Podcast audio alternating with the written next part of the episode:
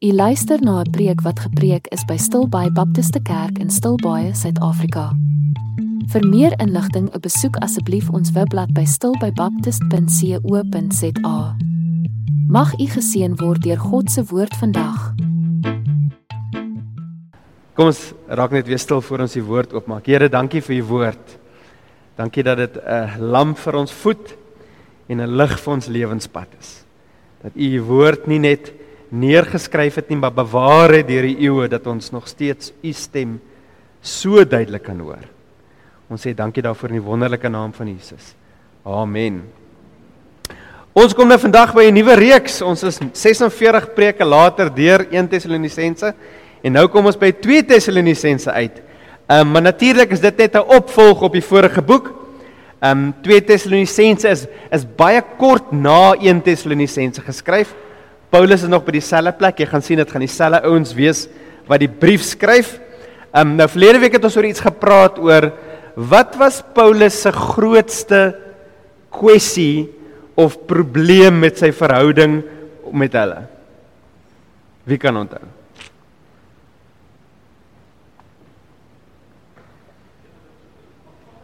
Ja, dit was dit was deel daarvan, maar ek moet sê met met hom en hulle, wat was sy Wat was sy begeerte wat nie gewerk het nie?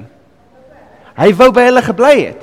So Paulus se gewoonte was gewees, hy hy was 'n sendeling deur en deur. Hy was nie 'n pastoor nie. Hy wil nie jaar na jaar by 'n plek bly nie. Hy sou as hy ek moes gewees het en hy's nou al 13 12 jaar in stil by sy dat hom erg frustreer het, maar ek is nie Paulus nie. Ek is baie gelukkig hier.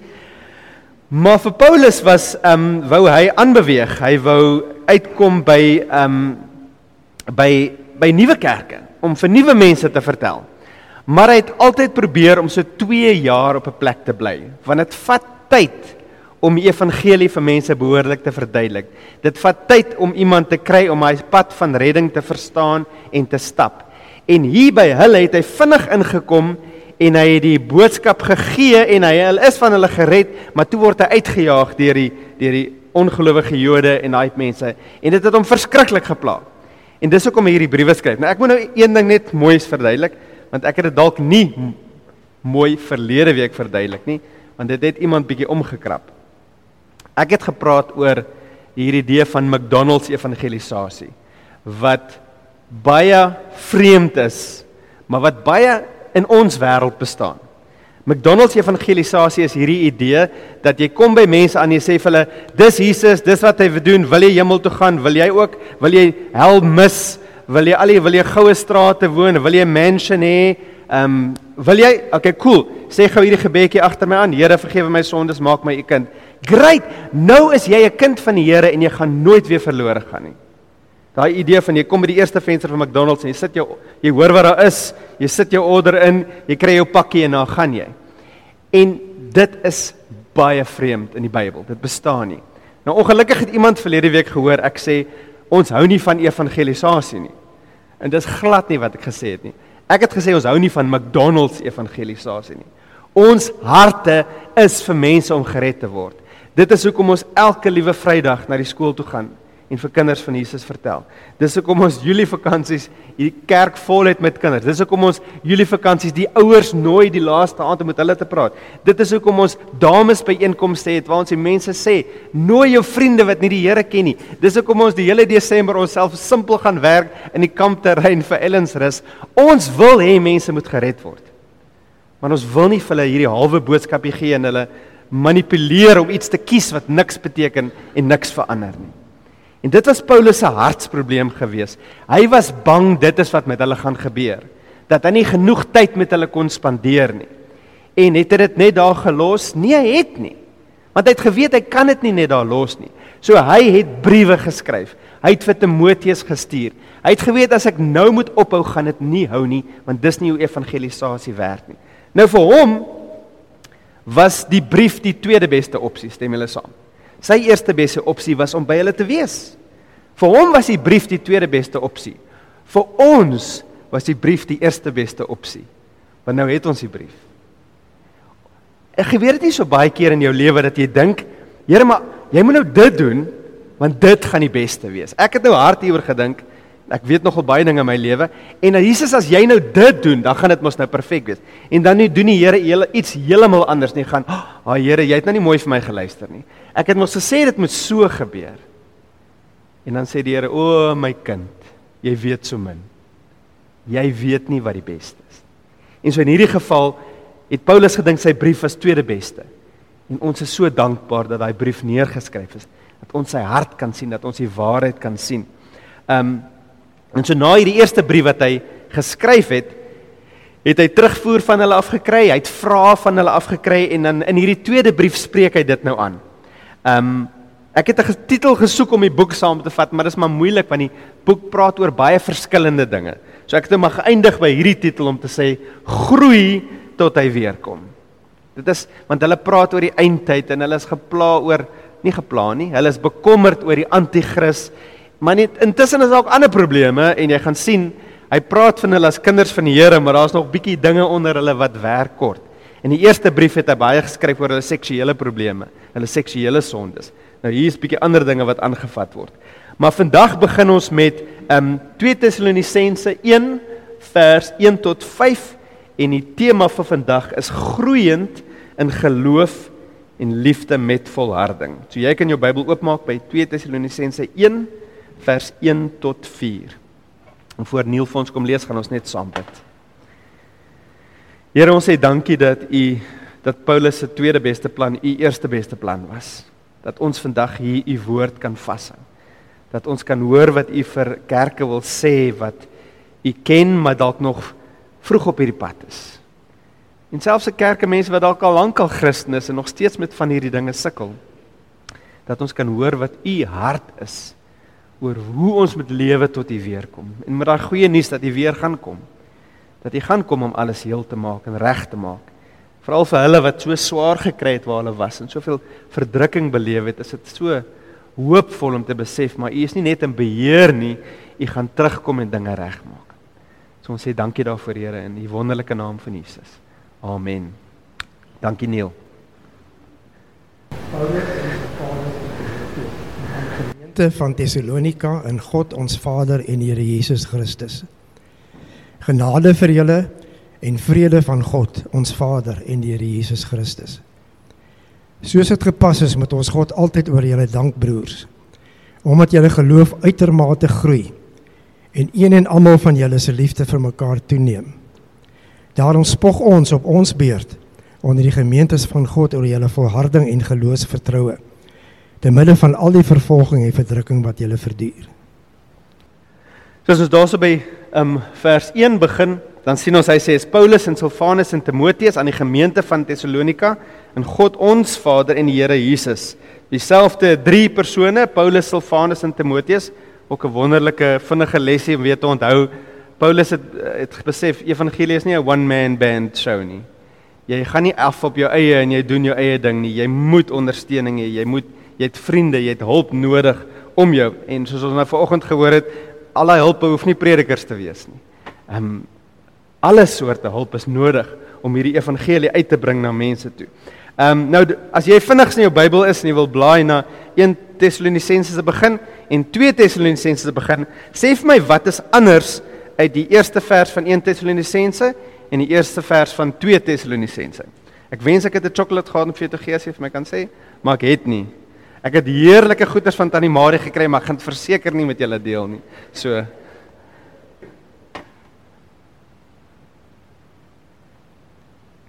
Kyk of jy kan sien, wat is die verskil? Dis baie dieselfde, maar daar's een merkwaardige verskil tussen vers 1 en die 2.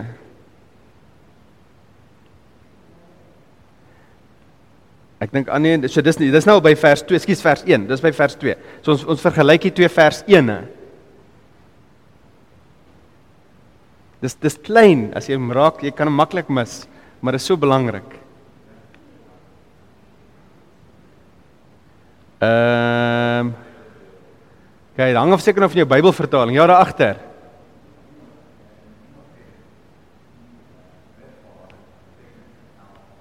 Ons moet iewers 'n sjokolade by julle uitkry. OK. Langs ek weet nie of jou vertaling dit so mooi opgetel het nie, maar in die eerste brief skryf hy van God the Father En in die tweede brief praat hy van God, our Father. In Afrikaans ook. Daar's hy. So ehm um, nou ons is nie presies seker hoekom nie. Maar dit is deel van die progressie van kind wees van God. As jy eers by God uitkom, dan besef jy hy is die God. Jy was nog altyd God of iets anders was jou God en skielik kom jy agter maar daar is iemand wat die God is. En hy's daar en hy's groot en hy's die baas.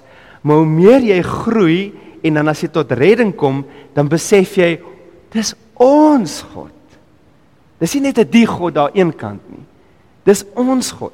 En ek dink die ek weet natuurlik was hulle in die eerste brief ook al gered gewees, maar ek dink dit was 'n progressie van hoe hulle al hoe meer God begin verstaan het. Die tweede vers is dan nou weer 'n algemene groet wat Paulus altyd gehad het. Genade vir julle en vrede van God, ons Vader en die Here Jesus Christus. Dis mens mis dit dalk want ons lees natuurlik nou weer in die in die vertaalde dinge, maar genade is die Griekse woord charis en en dit is hoe Grieke mekaar gegroet het. As 'n as 'n nie Joodse persoon mekaar gegroet het, dan sou hulle gesê het genade vir jou. En as die Jode mekaar gegroet het, wat het hulle gesê? Shalom en wat beteken shalom? Vrede. So Paulus skryf hier na 'n kerk wat het 'n klein hoeveelheid Jode en 'n groot hoeveelheid nie Jode bestaan het nie en hy bring dit altyd saam.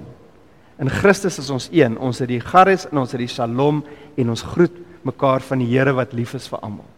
Wat lief is van die wat van die Joodse agterkoms is, die van 'n nie Joodse agtergrond en is God weer eens ons Vader en die Here Jesus Christus.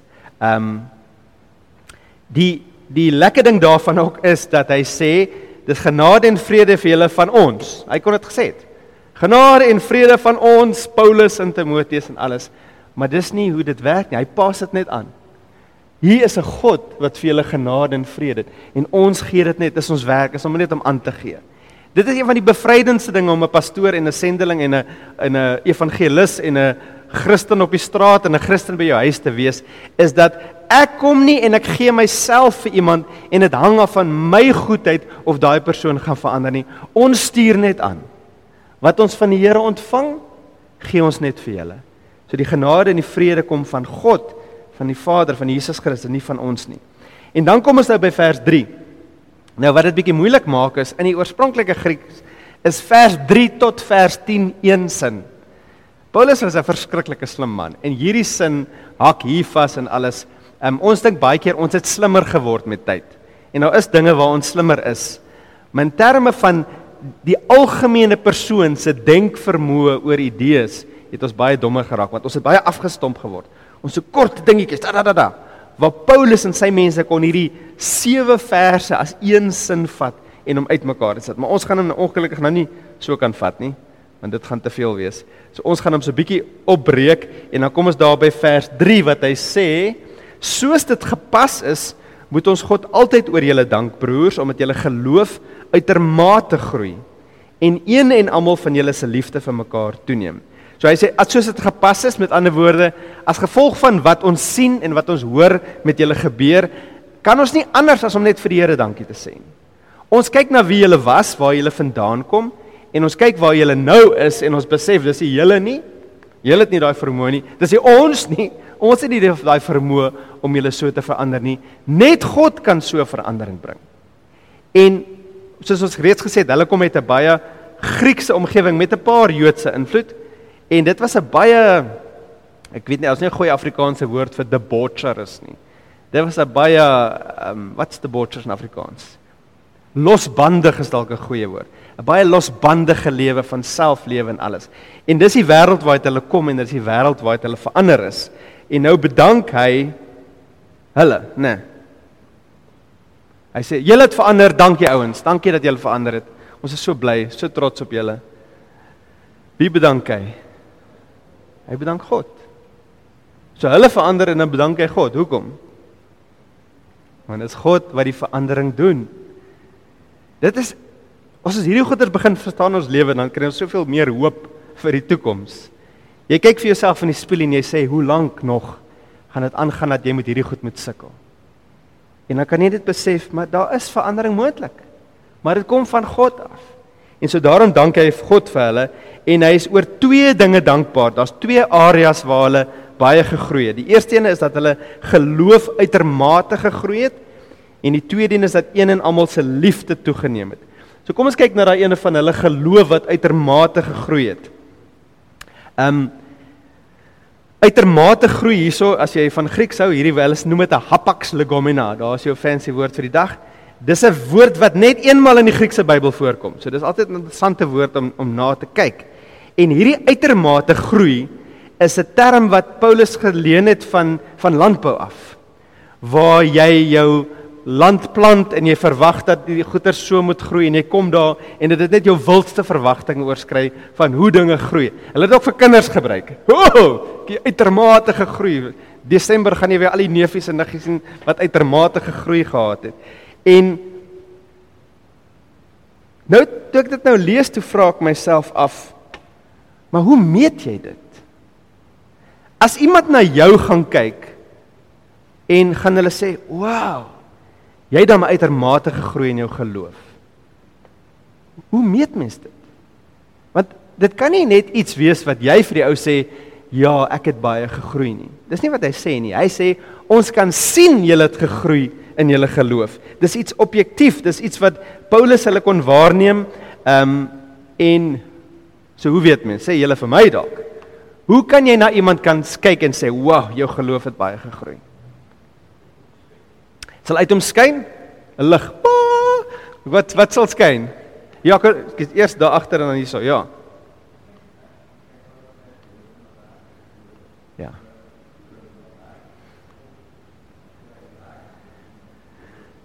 Ja, so dis die eerste die eerste antwoord is as iemand kom en hulle lewens het glad nie verander nie en hulle sê, ek is soveel nader aan die Here. Dan sê Paulus, "Hæ? Jy sê dit jy moet dit kan sien. As jy groei met die Here, moet jy dit kan sien." En en die voorbeeld daar is wat hy sê daar's geloof sonder werke bestaan nie. Nou nie nie geloof omdat werke nie. Jou geloof word nie beter omdat jy harder werk nie. Jy werk harder omdat jou geloof gegroei het. Erna, wat sê jy? Vrug van die Gees. As jy na iemand kyk en hulle is meer vriendelik, hulle is meer geduldig, hulle het meer selfbeheersing. Dis letterlike dinge wat jy kan sien in iemand se lewe. Nou sê hy ek is so bly jy het perfektheid bereik. Is dit wat hy sê? En dis wat ons baie keer onsself moet laat slaan om te sê hoekom is ek nie perfek in hierdie area nie? Hoekom hoekom maak ek nog foute? Almal maak foute. Die die maatstaf is nie of jy foute maak of nie foute maak nie. Die maatstaf is of jy groei of ek vandag is wie ek verlede verlede jaar was en of daar iets gegroei het. En dis hoekom ek soveel hou daarvan dat Paulus die voorbeeld gebruik van die vrug van die gees. Want in daai teks praat hy van die die dade van die vlees, maar dan kom hy by die vrug van die gees. Paulus, jy meng nou jou metafore, maar dis bedoel om te wees. Want wie van julle het al ooit by 'n appelboom gestaan en jy kyk daai oulike blommetjie en dan poef, skielik is daar 'n appel daarso. Of jy sit so en jy kyk hoe groei daai appel. O, oh, hy word al groter. Kyk net daar, kyk net daar, lyk so 'n ballon. Jy kan dit nie sien nie. Maar as ek elke derde dag kyk, gaan ek dit sien. Kom ek, wow, kyk, hier spreek, o, nou begin hy rooi word. En dit is wat groei in die ga in die vrug van die gees is. Jy gaan dit nie vir ou iemand kan kyk en sien hoe hy al hoe vriendeliker word nie. Maar as jy jouself meet aan wie jy verlede jaar was en wie jy 10 jaar terug was en wie jy was voor jy gered is, dan moet jy groei kan sien. Dis hoe mens dit ervaar. Ehm um, wat nog? Wat nog kan vir ons wys dat iemand gegroei het in geloof? Braafheid om God te vertrou. Dis 'n belangrike ding. Iemand wat hulle is hulle glo in die Here, maar hulle is te bang om iets te probeer of om uit te tree en alles. En hierdie ouens wat skielik net begin en dit pas in by dade ook om te sê, maar die Here stuur my, die Here gebruik my en en hulle vertrou die Here en hulle het minder vrees oor die toekoms want hulle vertrou die Here vir hulle toekoms en hulle het minder vrees vir die ouens wat besig is om hulle aan te val want hulle weet hierdie ouens is in die Here se hande en alles. Dis nog een en die ander ene, daar's natuurlik meer wat ek hierso het is dieper kennis van God. Daar's ook baie keer in die Bybel wat hy sê julle verstaan meer, julle het meer kennis van God. Dis ook 'n teken van groei. Ehm um, nou net weer 'n herinnering. Hy bedank nie hulle vir hulle groei nie. Dis nie ouens, "Jag, julle het so hard gewerk, baie mooi nie." Hy sê, "Ouens, julle het julleself voor die Here kom beskikbaar stel. Jy het jouself neergelê, jy het jouself verloon en jy toegelaat dat die Here jou op 'n pad vat waar hy jou gegroei het." Dis hoe dit werk. Ehm um, nou die volgende een is ook 'n teken van groeiende geloof, maar hy noem hom nou apart en dis hierdie idee van liefde wat toeneem. Dis ook 'n teken van groeiende geloof. Maar hoor hoe hy dit verduidelik. Hy sê nie net julle het liefde toegeneem nie. Hy sê een en almal nie liefde vir sommige nie, een en almal se liefde vir mekaar het toegeneem. Dit was nie 'n geval van julle ken die 20-80 reël, jy het al van die 20-80 reël wat altyd sê 20% van die mense doen 80% van die werk of daai tipe dinge. En baie keer is dit soos in 'n kerk dan is wel 20% van die mense is dan reg met die Here maar die 80% word nou maar saamgesleep en alles. Dit bestaan nie. Paulus sê julle almal het gegroei. En ek dink een van die redes waarom dit so kom ek vra vir julle. Julle het nou die teks gelees hoekom dink julle het hulle sulke uitermate groei beleef uitermate liefde waar almal daarvan deel was Ehm um, dit is natuurlik van God af, maar hoekom is wat was anders by hulle wat dit aangehelp het om te groei? Gees was 'n werker, maar wat het gemaak dat dit meer gewerk het? Eenheid. Eenheid was gevolg daarvan gewees. Wat sê die volgende vers? Verdrukking. Hulle het swaar gekry. Dit is nie maklik om 'n Christen te wees nie. En so as jy nie regtig 'n Christen wil wees nie, en jy's een van die ouens wat altyd maar net saamsleep, is dit baie maklik in 'n land waar Christendom nie onderdruk word nie. Dis baie maklik. Want ag, ek het niks anders om op 'n Sondagoggend te doen nie. Kan nou wel net na hulle gaan luister, hulle dan vir my gratis koffie wat hulle vir my gee. Maar in 'n in enige plek waar onderdrukking is, is die mense wat daar is, die mense wat regtig daar is. Die mense wat regtig deur God gered is want hulle weet ek kan môre doodgemaak word omdat ek hier so is. En dis hoekom hy sê ek kan na almal van julle kyk en julle het gegroei en julle almal het liefde want dit was 'n suiwer kerk, 'n kerk gesuiwer deur die vuur van verdrukking. Dis wat daar gebeur het. Kyk. Nou kom hy by vers 4 en hy sê Daarom spog ons op ons beurt onder die gemeentes van God oor julle volharding en geloofsvertroue te midde van al die vervolging en verdrukking wat julle verduur. Mag mens spog. Oh, Dit is 'n sonde. Boast in Christ, dan sê iemand dit Wanneer is spog verkeerd? As jy oor jouself spog. As jy gaan ek spog om myself hoor te maak, myself belangrik te lyk. Paulus spog nie eers dat hulle die rede is dat daai ouens so gegroei het nie, want hy het al klaar gesê ons sê dankie vir God. So sy spog is nie eers ja ouens, ons sendingwerk is dan maar amazing. Kyk net wat bereik ons oor die aarde. Hy besef dis net God. En daarom kan hy spog. Hy kan spog oor wat God doen. En jy mag dit in jou lewe ook doen. Jy mag oor wat spog oor wat jy sien God in jou lewe doen. Solank die mense besef, jy besef dis van God en dis nie van jou nie. Um en so hier gaan Paulus rond na die ander gemeentes en sê ouens het julle gehoor van Tessalonika? Het julle gehoor wat daai ouens doen? Hulle beleef die ergste verdrukking. Maar kyk net, Hulle groei, hulle stap nog steeds saam met die Here ten spyte van vervolging en verdrukking. En hierdie vervolging en verdrukking was intens geweest. Nou, ons is nou reg aan die begin, maar dit is al klaar baie uitdagend. En ek dink een van die redes hoekom hierdie boek vir ons bewaar het, is dat ons vir onsself ook kan afvra as 'n individu en as 'n groep, waar staan ek vandag? As Paulus vandag 'n brief oor my moes geskryf het. Vir my of vir oor ons, vir ons moes geskryf het. Sou hy dieselfde kon sê? Sou hy oor jou lewe kon sê, "O, oh, ek is dankie Here vir die groei wat jy beleef het." Ek dank die Here vir die liefde wat ek sien. Om vir jouself of te vra, maar is ek nog daar? Is ek daar waar ek hierdie groei beleef? Nou, die oomblik wat jy so vraag vra, dan kan jy dalk bietjie benoud raak want jy sien daar's dalk nie genoeg nie en dan is die geneigtheid om weer te sê ook met harder probeer. Ek moet net harder probeer. Maar dis die hele teks gaan oor dit gaan nie daaroor nie.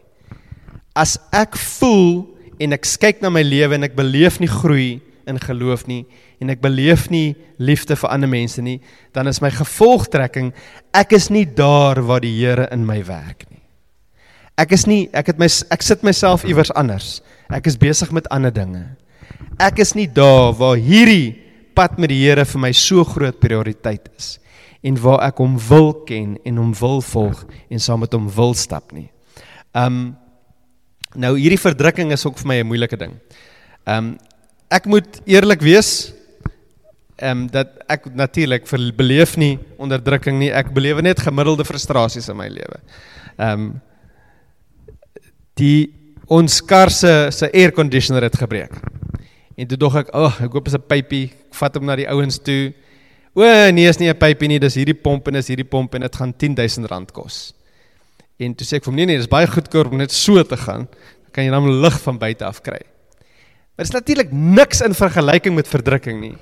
Maar as dit die een na die ander kom en is een na die ander en die een na die ander dan kan jy so moeg raak. Want iemand het eendag gesê jy moet onthou jou probleme maak jou sak vol. Jou probleme is dalk nie so groot as die ou langs jou sin nie, maar jou probleme maak jou sak vol. En so jy dra jou probleme rond. En so ek sê dis net so 'n paar maande van alles ek ek voel al ek wil vuisgevegte begin met Bosch wat nie my my ehm um, skorrelgoedwasser wil regmaak wat onder waarborg is nie. Ehm um, nou natuurlik in die midde daarvan kan jy terugtreë en die Here dankie sê. Ek sê ek het nie 'n koeler nie, maar ek het 'n kar. Ek het nie 'n skorrelgoedwasser wat werk nie, maar ek het skorrelgoed om te was. Daar's altyd iets wat jy kan sien. Maar in die midde van as jy jouself dalk beleef dat jy omgekrap raak oor dinge, dat as jy terug staan en jy sien maar dis eintlik nie so erg nie dan mag jy jouself dalk afvra, ek wonder of ek gaan sterk staan as verdrukking kom. Ek staan nie eers sterk as my kar nie wil start nie. Hoe op aarde gaan ek sterk staan as ek as verdrukking vandag moet uitbreek hier? Nou die antwoord daarop is 'n paar antwoorde. Ehm um, die eerste ding is ehm um, die storie van Corrie ten Boom. Baie van julle sal nou vir Corrie ten Boom ken wat baie in die oorlog swaar gekry het en sterk gestaan het. Maar toe sy 'n klein dogtertjie was, toe sê sy vir haar pa, "Jo, ek weet dan nie of ek sal kan sterk staan as verdrukking moet kom nie." En haar pa sê toe vir haar, "As ek vir jou op 'n trein iewers heen stuur, wanneer gee ek vir jou die kaartjie? Gee ek hom vir jou 3 maande voor die tyd, 'n jaar voor die tyd, of ons ons op by perron staan, gee ek vir jou die kaartjie?" Toe sê haar pa vir haar, "Jy het nie nou die krag wat jy volgende jaar gaan nodig hê nie.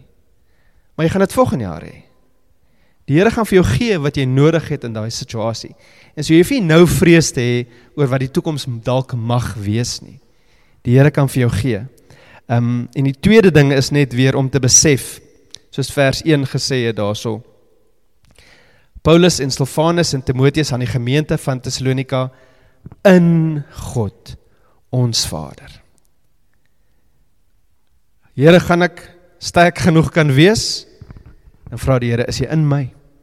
Dis die enigste vraag. As jy in my is, gaan jy wees.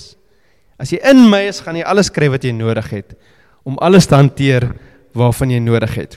Ek is nou besig om te kyk of ons volgende jaar weer deur 'n boek kan lees. En die boek wat ek dink ons wil doen is Tozer se Pursuit of God. Nou ons gaan 'n Afrikaanse een ook kry, Strewe na God. Ehm um, en dit is 'n baie uitdagende boek oor om nie net tevrede te wees met 'n kennis van die waarheid nie maar om God met jou geestelike sintuie te kan ervaar daarin. En so in jou frustrasies in jou lewe of dit nou is met Eskom of Bosch laat dit jou na die Here toe dryf. Laat dit jou in God indryf. Want dis waar ons hoop lê en dis waar ons krag lê en dis waar ons gaan verander vir wie ons moet wees. Kom ons bid saam.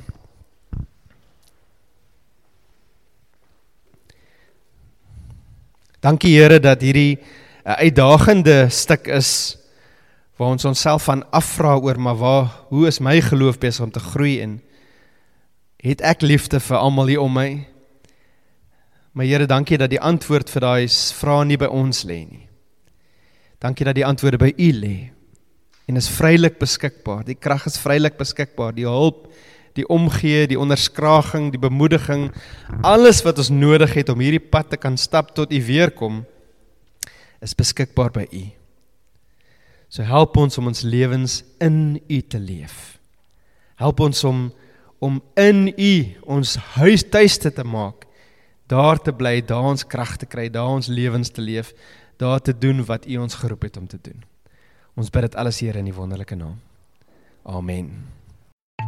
Ons hoop u was geseën by die aanhoor van God se woord vandag. Vir meer inligting of vir gebed, besoek asseblief ons webblad by stilbybaptist.co.za. Mag u u lewe vind in Jesus Christus en hom alleen.